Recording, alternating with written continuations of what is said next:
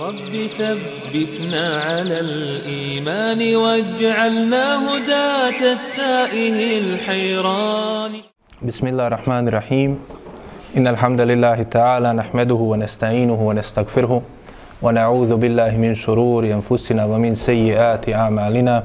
من يهده الله فلا مضل له ومن يضلل فلا هادي له. وأشهد أن لا إله إلا الله وحده لا شريك له. وأشهد أن محمدا عبده ورسوله. arsalahu Allahu tabareke wa ta'ala bil huda wa dinil بالهدى li yuzhirahu ala على kulli كله وكفى بالله الشهيدا thumma amma ba'd Svaka zahvala pripada Allahu subhanahu wa ta'ala. Njega slavimo i njega veličamo. Od njega pomoć i oprost za naše grijehe tražimo. Neka je salavat i selam na njegovog posljednjeg poslanika, njegovog odabranika i miljenika, našeg predvodnika Muhameda sallallahu alihi wa sallam, njegovu časnu porodcu, sve njegove plemenite ashabe, kao i one koji slijede njihov put do sudnjega dana. A zatim nastavljamo govor o događajima, najvažnijim, najznačajnijim događajima koji se desili treće godine po Hidžri. Nakon što smo prošli put videli dva velika događaja koja se desila na samom početku ove godine, rekli smo, nabrali smo 13 značajnih događaja koje ćemo hronološkim redoslijedom uz Allahovu pomoć pomenuti.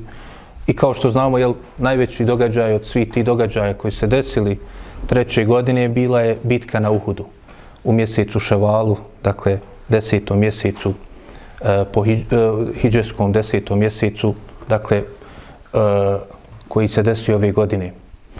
Pred tu bitku, dakle, desili se neki značajni događaj.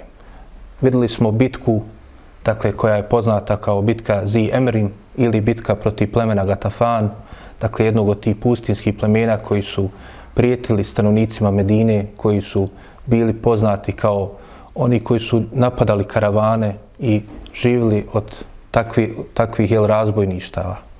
Također videli smo i slučaj Kaaba ibn Ešrefa, dakle jednog od taguta jevrijski, koji je se posebno istakao u neprijateljstvu prema Allahovom poslaniku, sallallahu alaihi ve sellem, koji se posebno istakao u činjenju dakle, nereda u medinskom društvu, pokušavanju da ponovo okupi Kurejšije oko toga da napadnu Medinu, koji je u svojim stihovima opjevavao najgore stvari protiv Allahovog poslanika, posticao mušrike protiv njega, vrijeđao čast i ugled muslimanki i supruga ashaba.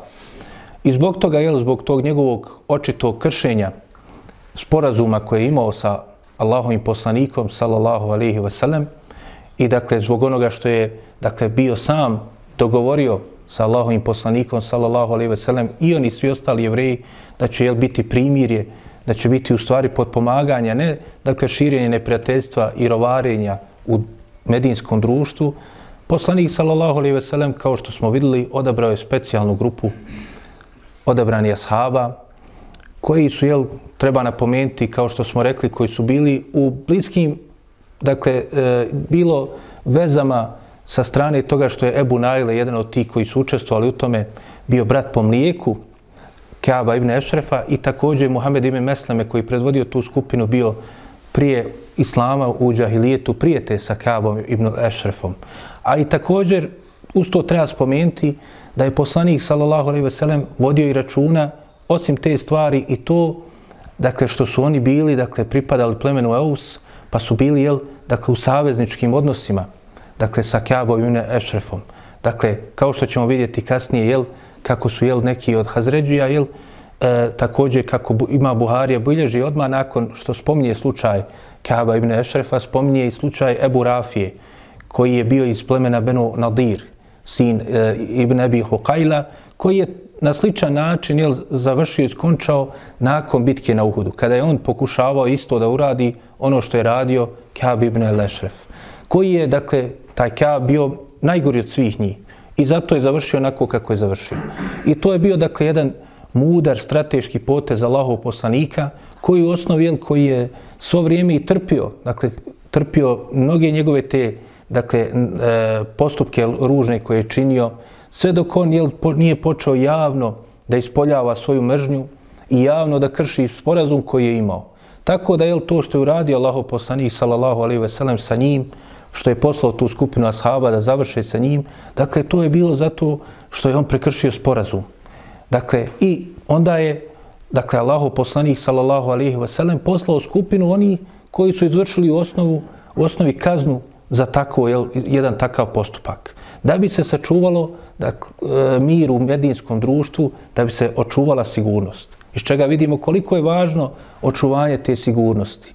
I sama, dakle, ta bitka protiv plemena Gatafan i ovaj slučaj i ovo nešto od ovoga što ćemo od aktivnosti koje su uslijedile nakon toga spomenuti, ukazuju kako, koliko je poslanik sallallahu alejhi ve sellem vodio računa da očuva medinsko društvo, očuva njegovu sigurnost, zaštiti ga od svih njegovih neprijatelja. Kao što smo spominjali i u događajima druge godine po Hidžri nakon bitke na Bedru, slične stvari se i tada dešavale. Dakle, i tada jel, videli smo djelovanja plemena jevrijskog Benu Kajnuka, videli smo također djelovanje plemena Gatafan i Benu Sulejim i pohoda koji je slao poslanih sallallahu alaihi ve sellem i druge godine, evo opet i treće godine se isto dešava, a i svo vrijeme jel, ima prijetnja, dakle, sa strane plemena Kurejiš, da oni i dalje hoće nešto da pokušaju, da se osvijete, posebno sada da se osvijete zbog onoga što im se desilo u bici na Bedru i također da pokušaju jel, da dokrajče muslimane. Tako da je poslanik sallallahu alejhi ve sellem iz ovoga slučaja Kaaba ibn Ešrefa vidimo kako je smirio dakle unutrašnje dakle te nemire. Primirio je dakle jevreje, prisilio ih i vratio na to dakle da budu na onim sporazumima koji su potpisali sa Allahovim poslanikom sallallahu alejhi ve sellem da to poštuju. I oni su onda vidjeli da je poslanik sallallahu alejhi ve sellem neće oklijevati da ispuni ono što je dogovoreno. Da on će poštovati ono što je prema njima se obavezu, ali oni isto sa svoje strane to moraju da ispoštuju. No međutim, kao što znamo, oni, kao što smo videli na slučaju plemena Benu Kajnuka, odmah su jel, pokušali da iskoriste to. Pa evo, pojedinci isto to radi. I nakon bitke na Uhudu vidjet ćemo šta će uraditi neka druga plemena na sličan način. Dakle, Allahov poslanik sallallahu alejhi ve sellem je na jedan dakle strateški način se e, vodio računa o svim ovim stvarima i pratio dešavanja koja se dešavaju oko Medine da bi zaštitio Medinu. Preduzimo je dakle sve moguće uzroke da bi se saštitilo stanovništvo Medine, da bi se zaštitila ta muslimanska zajednica, da bi ona imala svoje onda mogućnosti da e, raste, da se razvija, da se u najboljem redu održava, održavaju odnosi u tom, u, u, u, unutar Medine.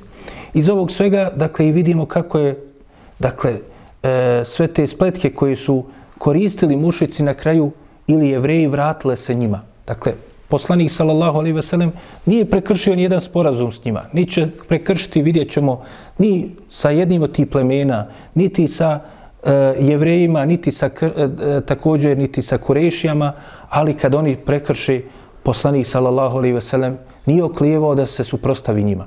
I također poslanik sallallahu alejhi ve sellem iz ovoga što smo videli na slučaju Kaaba ibn Ešrefa vidimo da nije uopšte je on njih izdao, niti je njega prevario u smislu da ga izdao da prekršio neki sporazum, nego je koristio one sva moguća sredstva, dakle, od, da kažemo, dakle, e, varki koje je mogo imao na svome raspolaganju, od toga kao što smo videli da je iskoristio bliskost ovih ashaba iz prethodnog perioda sa Kaabom, također iskoristio je to što su oni bili iz tog plemena, dakle, da vidi se i tu pošalje još jedna važna poruka njima. Dakle, ako su ta plemena koja su bila nekada u savezništu sa njima, oni prvi spremni da im se suprostavi. Jer ne bi bilo čuditi jel, da su tu radila plemena, To jest, ako je neko bio ti jevrijskih plemena u savezništvu sa Eusom, nije čuti ako neko iz plemena Hazređi i napadni. Zato što su oni u osnovi bili i prije Islama u lošim odnosima. Jer su ovi bili u savezništvu sa neprijateljima Hazređa, dakle sa Eus, plemenom Eus. Ali kada vide da neko ko je dojuče bio njihov saveznik, zbog veza koje su puno jače od toga, to su veze Islama, veze, dakle, i očuvanja Allahove vjeri, spreman je, dakle, da poduzme ono što je neophodno, onda je to njima ukazalo na ozbiljnost stvari. U tom periodu također sljedeća stvar koja se desila, dakle, jeste da je Allahov poslanik, sallallahu alaihi sellem, udao svoju čerku, dakle, drugu svoju čerku udaje za Osmana radijallahu anhu. Kao što smo rekli, u događajima druge godine po Hidžri, nakon ili u toku događaja same bitke na Bedru, preselila je poslanikova čerka Rukaja. Dakle, prva od njegove četiri čerke koje su preselile bila je Rukaja, radijallahu anha, koja je bila supruga Osmana radijallahu anhu. Nakon toga, dakle, e, Osman radijallahu anhu je ostao bez supruge.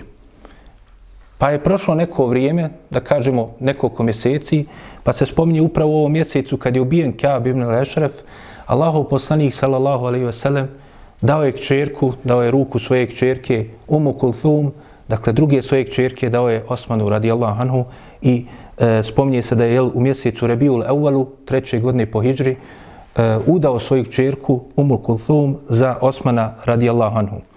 Što je velika, velika počast Osmanu radijallahu anhu. Zato što Osman radijallahu anhu je time postao prvi čovjek i jedini čovjek u istoriji čovječanstva od svih tih poslanika koji su poslati, on je jedini koji je bio dvostruki zet jednog Allahov poslanika.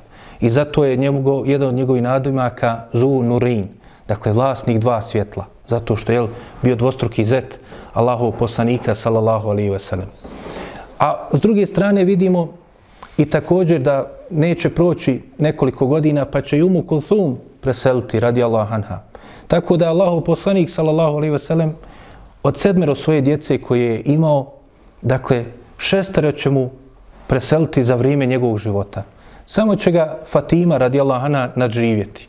Ona će živjeti šest mjeseci duže od Allahov poslanika, sallallahu alaihi sellem i kao što se spominje, dakle, od tuge koja je zadesila sa gubitkom svoga babe, Allahov poslanika, Muhameda, sallallahu alaihi wasallam, razbolit će se nakon njegovog preseljenja i ubrzo preseliti, dakle, nakon Allahov poslanika, kažu šest mjeseci da je preselila. Tako da je Allahov poslanik, sallallahu alaihi sellem objedinio sve moguće te musibete koje mogu čovjeka zadesiti. Ostao je bez oca, a još nije bio ni rođen. Rođen je kao jetim. E, izgubio je svoju majku, Aminu, a nije imao ni sedam godina, šest godina imao. Također, od svojih sedmero djece, šestero mu je preselilo za njegova života. Kao što smo prošli put spomnjali, sve tri njegova sina su vrlo mali preselili ostali je imao još četiri čerke, tri čerke su mu preselile za njegova života. Također njegova voljena prva supruga Hatidža radijala preselila je još jel, u onim najtežim momentima u mekanskom periodu. Dakle, Allahu poslanik sallallahu alejhi ve sellem zadesula su ga ta velika iskušenja, ali iskušenja su sprem jačine imana. Dakle, on je najjačeg imana i oni koji su najjačeg imana imaju najveća iskušenja, i Allah uzvišeni nikoga ne iskušava iznad njegove mogućnosti. Ali u tome je velika poruka za nas, da kad je Allahu poslanik sallallahu alaihi ve sellem iskušao i kušao sva ta moguća iskušenja i teškog života i mnogi drugi stvari kao što vidimo koje su ga zadesile i koje ćemo vidjeti da su ga zadesile za vrijeme njegovog poslanstva, dakle, to je nama pouka dakle, za ona sva iskušenja eventualno koja nas zadese za života. Kaže se u jednoj od predaja da kada je preselila Umu Kulthum, da je Allahov poslanik sallallahu alejhi ve sellem rekao ome Osmanu radijallahu anhu, kaže da imam treću kćerku i nju bi udao za tebe. Dakle, velika počast za Osmana radijallahu anhu. E, da je on bio jel, počašćen time da je bio dvostruki zet Allahov poslanika sallallahu alaihi ve sellem. Zato u hadisu kod Buharije i kod imama Ahmeda se spominje e, a također i to spominje imam Tahavi u svojem dijelu Muškilul Athar, kaže se da je Osman radijallahu anhu rekao za sebe. A znamo, jel, ispominjali smo više puta i svima nam je poznato kako je na kraju nepravedno ubijen kao halifa muslimana, kao treći pravedni halifa usred Medine, Osman radijallahu anhu, a za sebe je rekao, kaže, Allah uzvišan je poslao Allahov poslanika sa istinom, pa sam ja bio taj koji među jel, prvima se odazvao Allahovom poslaniku i prihvatio ono što je došlo od Allaha i što je poslao po svome poslaniku i ja sam bio taj koji je dvije hijđre učinio, hijđru i Abesiniju i u Medinu i ja sam taj koji je Allah počastio da budem dvostruki zet Allahov poslanika i da mu dadnijem prisegu i nikada, kaže, nijednoj situaciji mu nisam bio nepokoran ili da sam ga izdao ili prevario. sve dok nije preselio Allahov poslanik sallallahu alaihi ve sellem.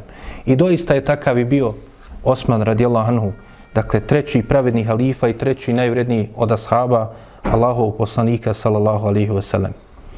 Također u tom periodu e, poslanik sallallahu alejhi ve sellem nakon što je se e, dakle e, poslao dakle i u, u, otišao u pohod protiv plemena Gatafan s druge strane pokazao e, dakle jevrejima da moraju da ispoštuju sporazume koje imaju sa njim na primjeru Kjaba ibn Ešrefa također u e, pogledu Kurešija učinio je još jedan pohod da bi pokazao svoju snagu i da bi njima ponovo poslao poruku.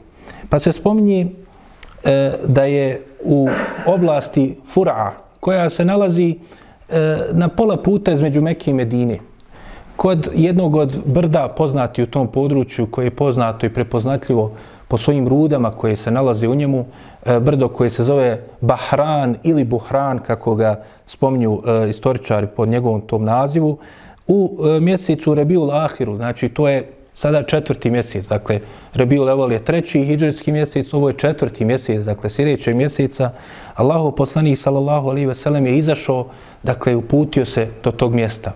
Izašao je, kako se spominje, sa e, 300, dakle, ashaba, da bi se, da bi poslao poruku Kurišijama. U tom području je ponovo došlo do informacija do poslanika sallallahu alejhi ve sellem da pleme Benu Sulejm nešto sprema. Koje je druge godine isto kao i pleme Gatafan, također jedno od tih pustinskih plemena, dakle da je pokušavalo da učini neke dakle, e, loše stvari i da je poslanik sallallahu alejhi ve sellem kao odgovor na to, a i da pošalje poruku ili da kažemo pozove Kurešije da izađu, izašao do tog mjesta. Pa je e, došao do tog mjesta, e, ostavio Abdullaha ibn Umi Mektuma da ga zamijeni u Medini kao njegovog zamjenika i e, e, namjesnika u, u njegovom odsustvu i došao je do tog mjesta e, kaže se da je tu proveo dva mjeseca, dakle taj mjesec Rebiul Ahir i sljedeći mjesec Džumadel Ula, dakle četvrti i peti hijđarski mjesec, je poslanik sallallahu alaihi ve sellem ostao kod tog brda čekajući ne, da li će se neko od ovih pojaviti. I na kraju niko se nije pojavio. Ali je poruka, dakle, i Kurešijama i ovim pustinskim plemenima bila jasna. Dakle, strateški je, dakle, odbranio, dakle, predupredio eventualne njihove napade na Medinu. Nakon toga Kurešije su, jel, to je bio period, da kaže, kažu istoričari, to je bio period zime i proljeća. Pa sada se bližio ljeto, a kao što znamo iz Surje Kurejiš koja nam spominje da su imali i kako smo govorili o Hiš, Hašimu, E, pradjedu Allahov poslanika, sallallahu alaihi veselem, da su oni imali ta putovanja, zimi i ljeti, trgovačka putovanja, išli su ljeti u Šam, a zimi su išli u Jemen. Dakle, i nije im bio problem. Jemen je južno od Mekije, tako da su dole lako išli, ali Allahova mudrost je bila da Allahov poslanik, sallallahu alaihi veselem, bude upravo u Medini. Dakle, videli smo kako su stanovnici Taifa, kada je poslanik sallallahu alejhi ve sellem očekivao da će mu se oni odazvati. To je bio tada u to vrijeme drugi veliki centar arapskog poluotoka da će tu se moći da širi dava islama i da tu da poziva Allahov poslanik sallallahu alejhi ve sellem, no međutim znamo i videli smo kako su oni odgovorili. Ali to je opet bilo bolje za Allahov poslanika sallallahu alejhi ve sellem, jer je dobio bolje pristalice i dobio je bolje mjesto čak i ovom pogledu strateškom, dakle mjesto koje se nalazi na putavima karavana između Mekke i Šama, a to je El Medina. Pa su oni morali da prođu pored ili oko Medine. Tako da je poslanik sallallahu alejhi ve sellem bio tada u velikoj prednosti. Da kažemo bio je iznad Kurešija i oni su jel ovisili onda od njegovih poteza dakle u, u pitanju njihove trgovine. I kao što se spomni da kako se bližilo ljeto, dakle, da su oni onda razmatrali šta da radi. Upravo u ovom istom mjesecu, dakle, e, e, dakle nakon Džumade Lula, došao je mjesec Džumade Lahire, dakle u šestom mjesecu Hidžetskom, onda su oni razmatrali šta da urade, kako da postupe. E, nisu imali više hrabrosti da krenu svojim standardnim putima pored Medine, priobalnim putem u blizini Medine prema Šamu. A neophodno im je bilo da, da krenu u trgovinu. Zato što e, njihov glavni posao je bila trgovina.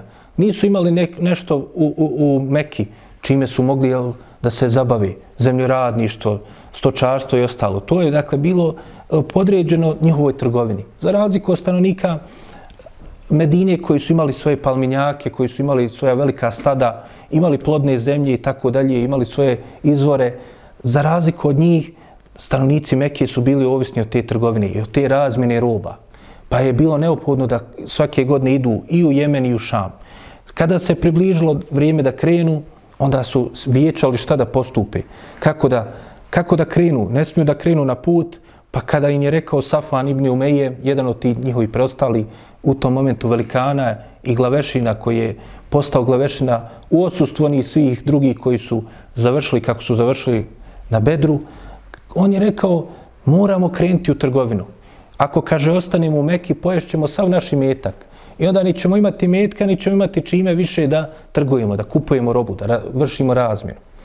Pa je onda e, jedan od, od e, mušrika pod imenom Esved ibn Abdul Mutalib onda predložio jednu stvar kao rješenje i izlaz iz te situacije.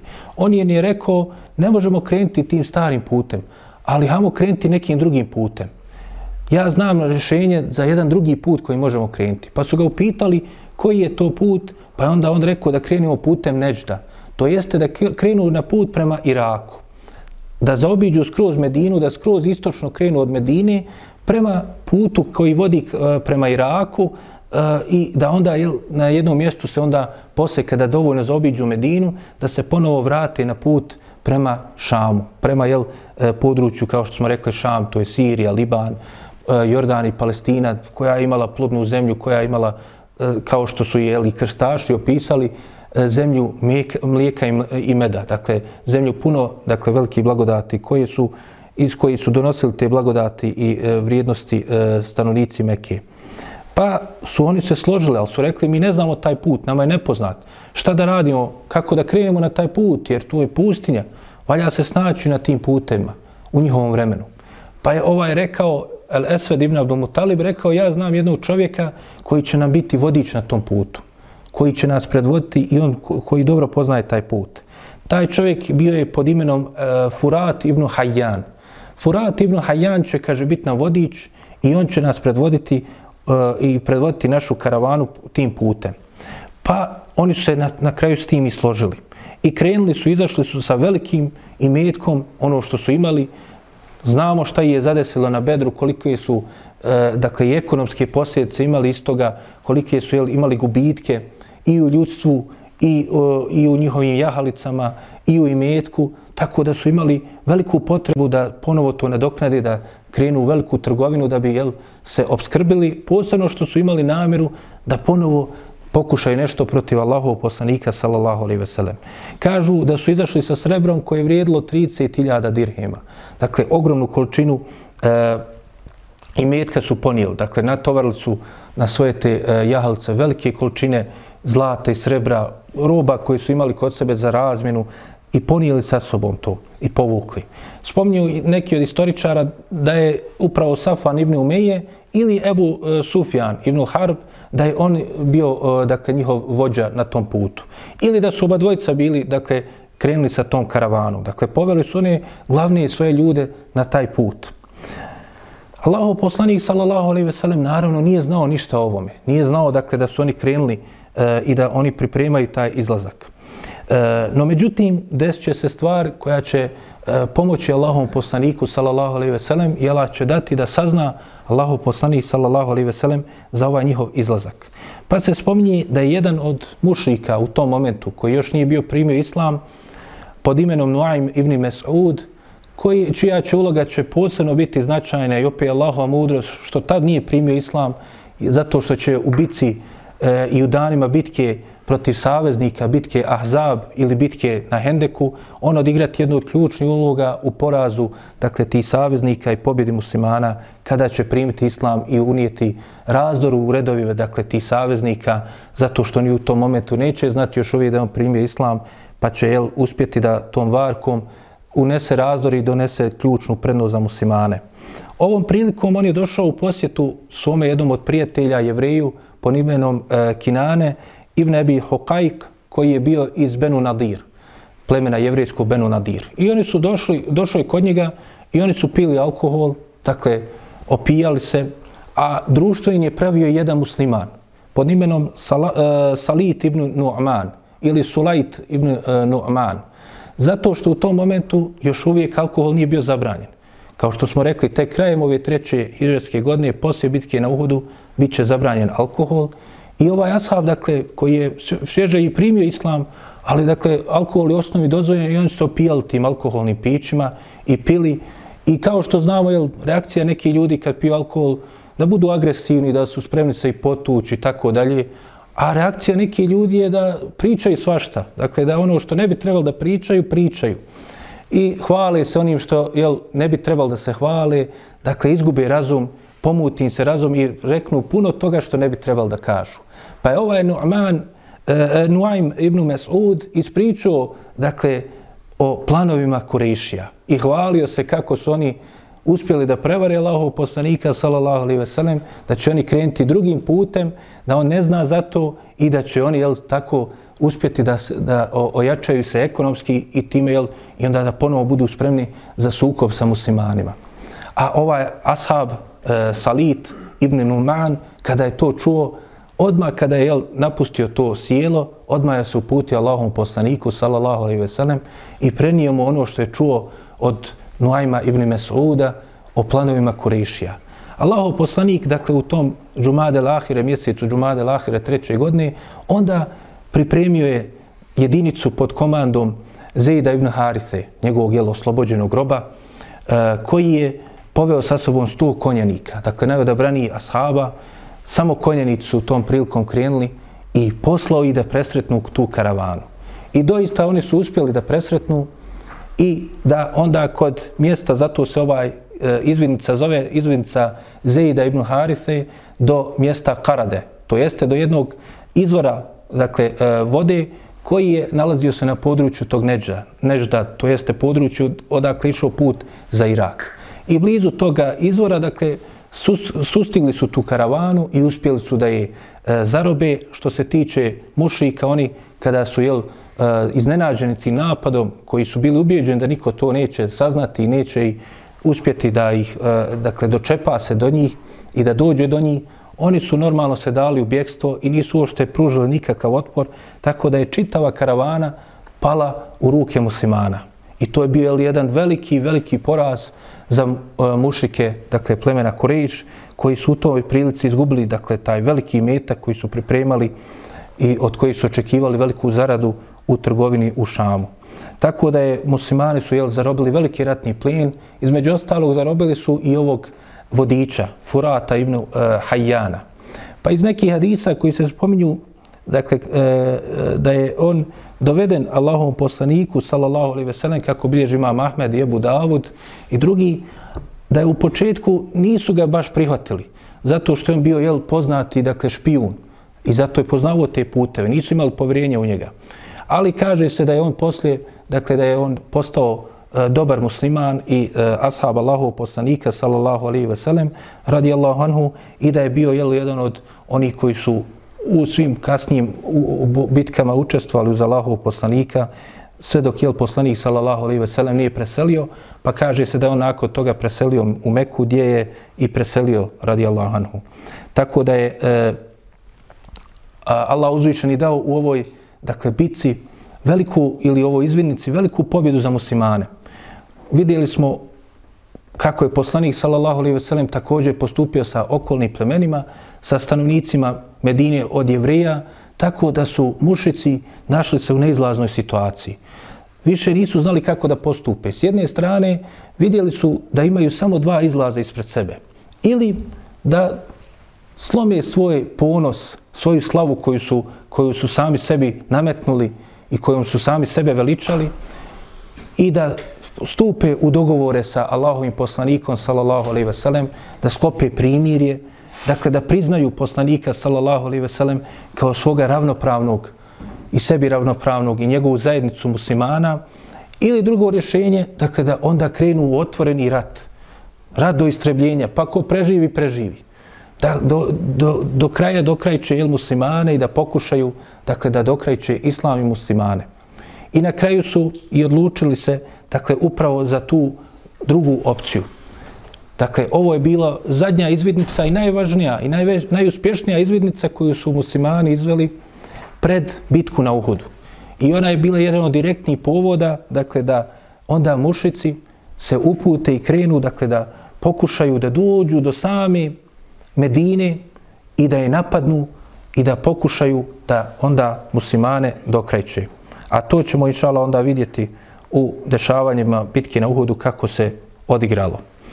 Nakon toga, poslanik sallallahu alaihi ve sellem, nakon toga što se vratio, eh, vratila ova izvidnica, u tom periodu spominje se da je također Allahu poslanik sallallahu alaihi ve sellem u sljedećem mjesecu, dakle mjesecu Ša'banu, e, dakle pred sami Ramazan, oženio se e, sa Hapsom, čerkom Omera radijallahu anhu.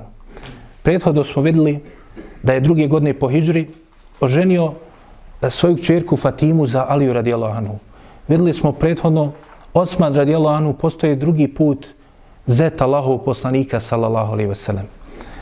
Na samom dolasku u Medinu poslanik sallallahu alaihi wasallam je stupio u bračne odnose e, sa Ajšom radijallahu anha. Tako da Osman i Alija postali su zetovi Allahov poslanika, a Ebu Bekr, a sada evo i Omer, oni postaju, dakle, njihov zet postaje Allahov poslanik, sallallahu alaihi ve sellem.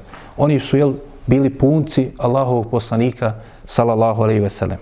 Što se tiče, dakle, tog slučaja i to, jel, zašto je ovo važno onda da vidimo kako i u toj stvari se vidi kako je poslanik, sallallahu alaihi ve sellem, gradio odnose među njima i jačao odnose među njima i veze, a i također kako su jedni na drugima odlikovani. Ebu Bekri i Omer su bili, dakle, punci Allahovog poslanika, on je bio njihov zet, a Osman i Alija su bili zetovi Allahov poslanika.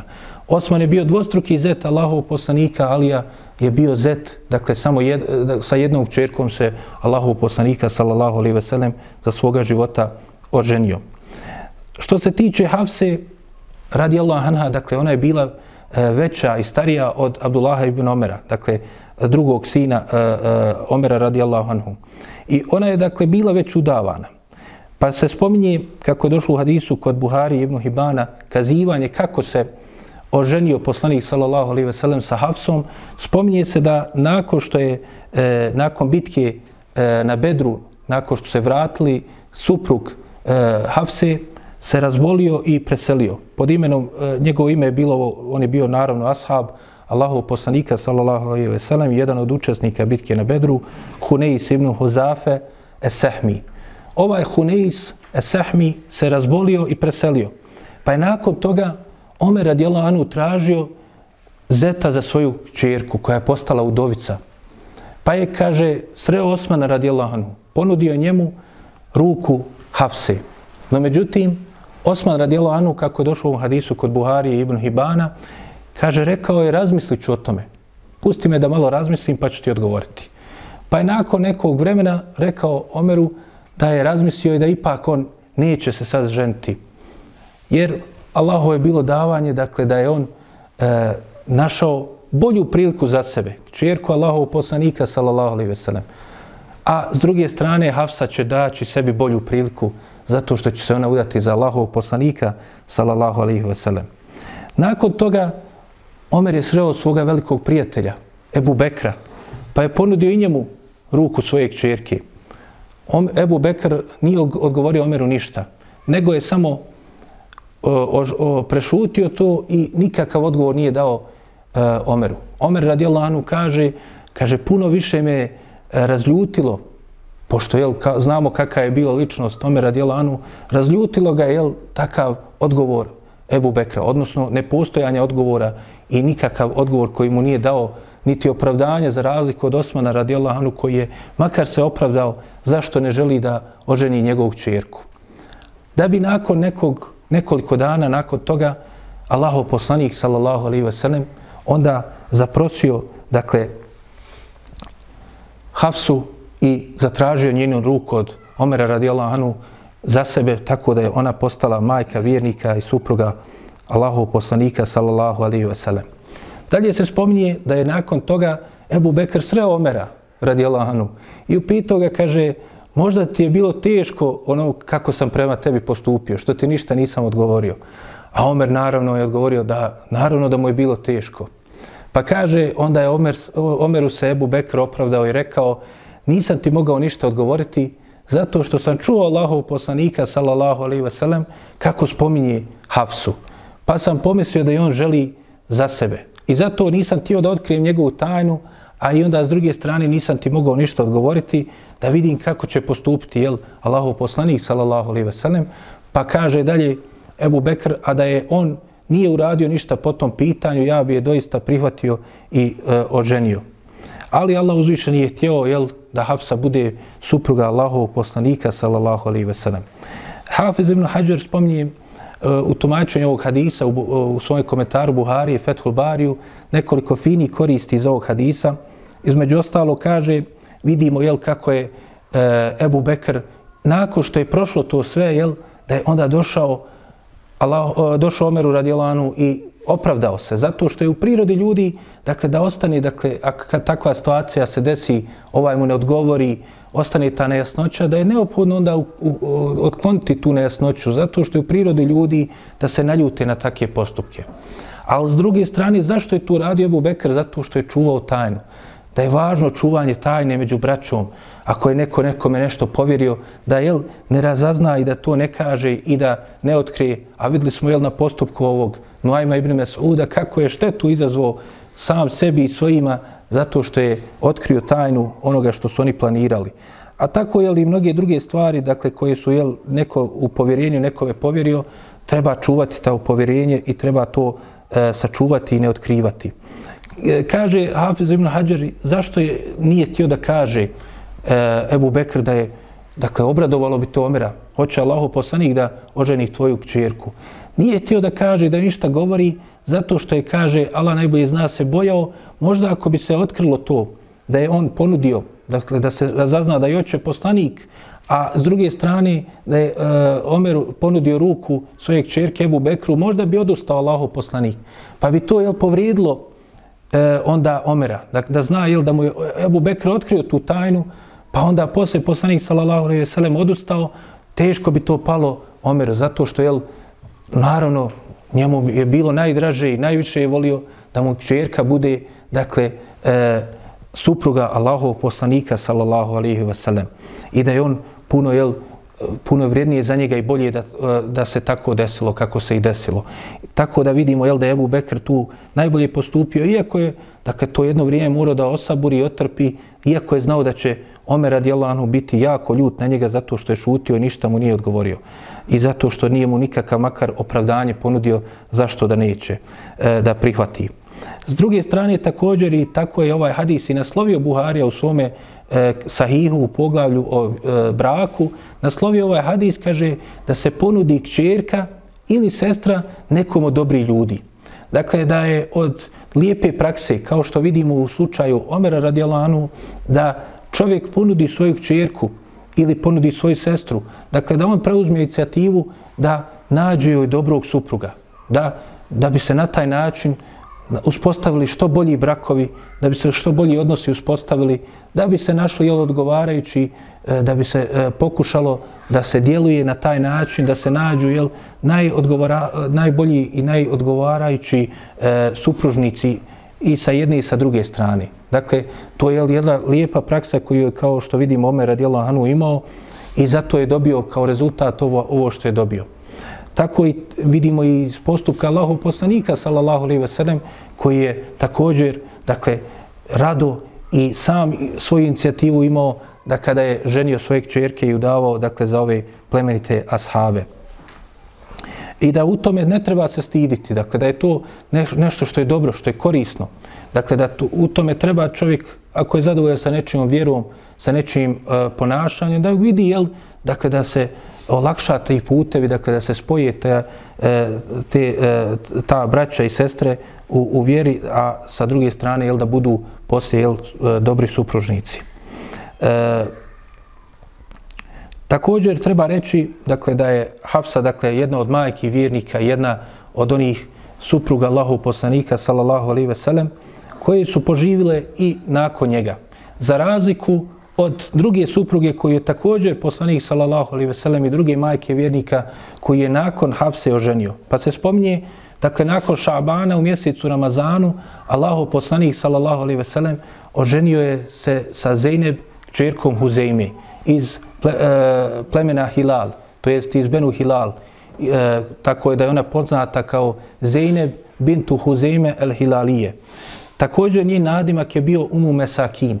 Ona je u stvari bila poznata po hranjenju siromaha, pa su je prozvali majka siromaha, miskina, majka nevoljnika. E, dakle, bila je plemenita e, žena. E, ona je e, prije Islama bila u nekim brakovima, prije Allahov poslanika, sallallahu alaihi ve sellem, kao i Hafsa. Zato, kao što znamo, jedina koja je bila, dakle, nevina koju je oženio Allahov poslanik, sallallahu alaihi ve sellem, bila je upravo Ajša radijallahu anha, za razliku od ovih ostalih jel, njegovih supruga. Tako da je poslanik sallallahu alaihi ve sellem poštovao ovu e, sahabiku i oženio je nakon dakle što je ona ostala bez svog muža. Prvo se spominje da je e, ona bila udata za jednog čovjeka pod imenom Tufail ibn Harith, pa je on je dao talak, pustio je. Nakon toga oženio je plemeniti ashab Ubejda ibn Harith ibn Abdul Mutalib. Dakle, jedan od onih šehida bitke na Bedru koji je preselio kao šehid u bitci na Bedru. Pa je ona ostala jel, kao e, udovica šehida bitke na Bedru i koji je bio i od bliskog roda Allahov poslanika sallallahu alejhi ve sellem njegov Amidžić. Neki spominju istoričari da je ona također nakon toga bila udata za Abdullaha ibn Đahša, koji će u bitci na Uhudu biti e, preseliti kao šehid, pa da je nakon bitke na Uhudu je poslanik sallallahu alejhi ve sellem oženio, ali jače je više da je to bilo prije bitke na Uhudu, dakle prije i da nije bila udata za Abdullaha ibn Đahša, pa je poslanik sallallahu alejhi ve sellem e, oženio i onda kažu učenjaci da ona nije dugo preživjela, da je ona bila nakon Hatidže prva supruga Allahu poslanika sallallahu alejhi ve sellem koji je e, preselio. Pa se spominje e, da je dakle e, da li dva ili tri mjeseca, neki spominju najviše osam mjeseci, tako da dođe da je četvrte godine po Hidžri, dakle u mjesecu Rebil Lahir, e, preselila ova plemenita ashabika radijallahu anha, a spominje se da je tada imala 30 godina. Pa je poslanik sallallahu alejhi ve sellem joj klanjao dakle e, dženazu i ukopana je u Beqiji. Nakon toga sljedeća stvar koja se desila jeste da je u ovom istom mjesecu Ramazanu Allahov poslanik sallallahu alejhi ve sellem dobio prvog unuka. Pa se spominje da je rođen od e, iz braka Alije sa Fatimom radijallahu anha, rođen je Hasan radijallahu anhu. Pa je poslanik sallallahu alejhi ve sellem dobio dakle svog prvog unuka. Eh, u hadisu koji eh, bilježe imam Ahmed ibn Hiban, spominje se kazivanje kako je on dobio ime Hasan.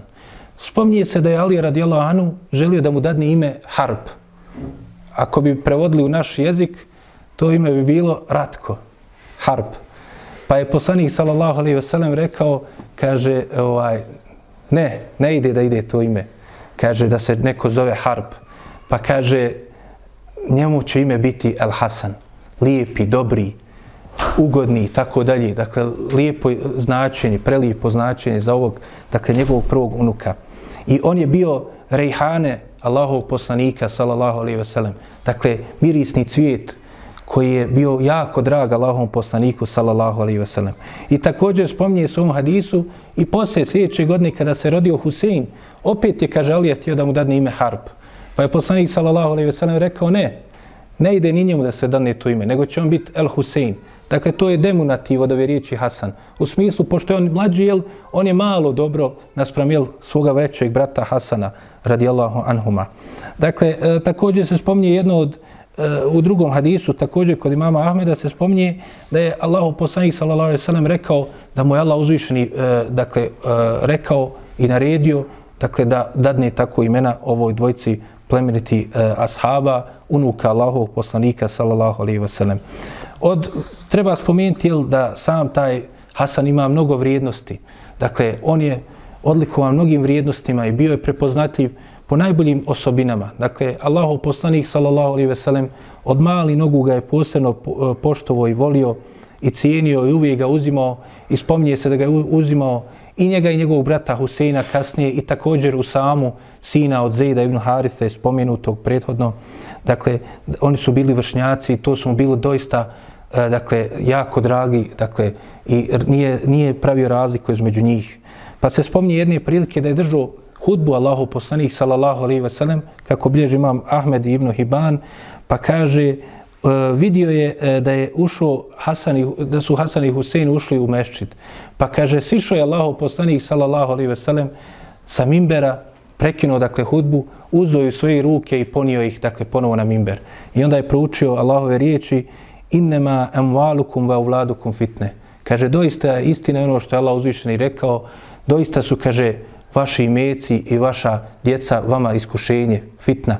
Zato što je nije mogao trpiti da ih gleda kako hodaju, a da ih ne uzme sa sobom Allahu poslanik sallallahu alejhi ve sellem. U hadisu kod Buharije muslima I također, kod imama Ahmeda u njegovom usnedu, se spominje da je jedne prilike poslanik, sallallahu alaihi ve sellem, ušao i rekao, gdje je onaj dječačić, ciljajući na Hasana, radijallahu anhu. Pa su ga doveli, pa ga je uzeo poslanik, sallallahu alaihi ve sellem, i e, prislonio u svoje prsa i rekao, kaže, Allahu moj, ja ga doista volim. Pa ga kaže, e, volite, ja doista volim i one koji njega vole. I to je, kaže Allahu poslanik, sallallahu alaihi ve sellem, tri put e, ponovio. Također jednom prilikom, kako je došlo u hadisu kod Buharije, Allahu poslanik sallallahu alejhi ve sellem za Hasana je rekao, kaže, a u tom prilikom isto je držao hudbu, pa da je što više ljudi onda da čuje to, rekao, kaže, doista je, kaže, ovaj moj sinčić, misleći jel, na svoga unuka Hasana, kaže, doista ovaj moj sinčić, Hasan je, kaže, prvak, sejid, i kaže, Allah će dati da se s njim i preko njega pomire dvije velike skupine muslimana. I doista se tako i desilo. U fitnama koji će nastupiti nakon smrti Allahov poslanika, nakon ubistva trećeg halife Osmana radijallahu anhu, spominje se, dakle, nakon toga što je ubijen Jalija radijallahu anhu, dakle, eh, Hasan je postao eh, peti pravedni halifa, po najispravnijem mišljenju, on je peti pravedni halifa, dakle, zato što je sa njegovih tih šest mjeseci koji će provesti kao halifa, u dakle, taj period koji je se došlo u hadisima, dakle, da je to vrijeme, dakle, pravednog hilafeta, hilafe Rašide. Pa kaže se da je onda on skrenuo sa velikom skupinom, dakle, da se susretne sa skupinom Muavije radijallahu anhu.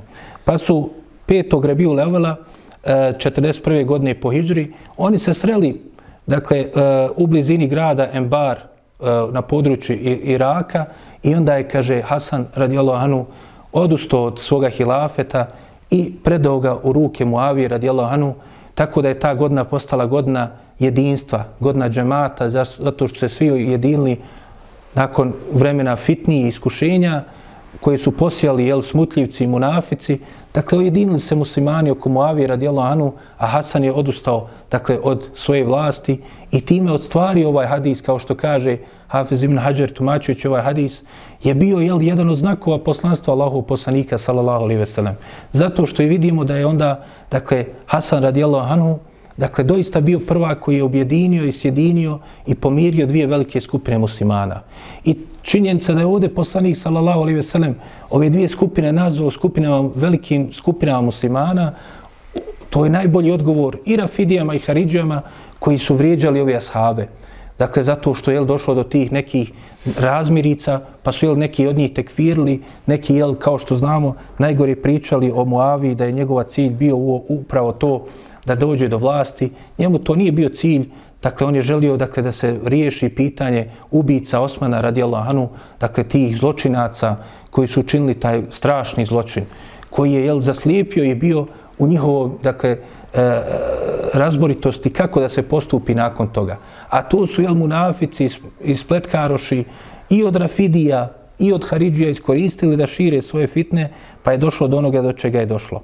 I zbog toga, jel, to je najbolji odgovor njima u toj stvari. A i također vidimo jel, da ta vlast, dakle, kad pogledamo, ovdje su bile dvije skupine, jedno je predvodio Hasan, a drugo je predvodio Muaviju. A puno vredniji čovjek je bio i ta živ, koji je bio prisutan, ali nije imao cilj, niti je se natjecao, niti je želio vlast, niti je pravio suparništvo. Bio je živ prije radi Sad ibn Abi Vakas, jedan od deset ashaba kojim obećan ženet, koji je bio preći od njih i vredniji da bude halifa. Ali, dakle, nije, nije on pravio nikakav problem. Tako, dakle, nije cilj vlast, niti je e, pojenta da najbolji čovjek mora biti onaj koji je vladar. Jer ono što je kasnije od vlasti uspostavio Muavija, i to je potvrda poslanikovog vjerovjesništva i poslanstva zato što je rekao nakon pravednog hilafeta kako je došlo u hadisu kod imama Ahmeda bit će, kaže, nasljedna vlast. A kaže, najbolja od njih ona prva. A to su, jel, godine vlasti Muavije radijallahu anhu. Tako da, jel, vidimo veliku vrijednost ovih ashaba i e, onoga što su, jel, rekao poslanik sallallahu alaihi ve sellem, posebno po pitanju njegovih unuka. Ovim smo došli do bitke na Bedru i događaje koji su jel, vezani za bitku e, na Bedru, a od, e, do bitke na Uhudu i događaje koji su vezani za bitku na Uhudu, a o tome ćemo išala početi govor sljedeći put, moleći Allaha subhanahu wa ta'ala da nam poveća ljubav prema Allahovom poslaniku, sallallahu alaihi ve sellem, da nas učini od njegovih istinskih i ispravnih sljedbenika, molijeći ga subhanahu wa ta'ala da nam oprosti naše grijehe, da nam se smiluje, olakša nam iskušenja koja su nas zadesila i da nam otkloni od nas, da izliječi bolesne muslimane, da pomogne muslimanima na svakom mjestu. Molimo ga subhanahu wa ta'ala da uputi nas i naš narod. Amin. Subhanaka Allahumma bihamdike. Ešhedu la ilaha illa ente stakruki wa tubulik. يا رب ثبتنا على الإيمان واجعلنا هداة التائه الحيران.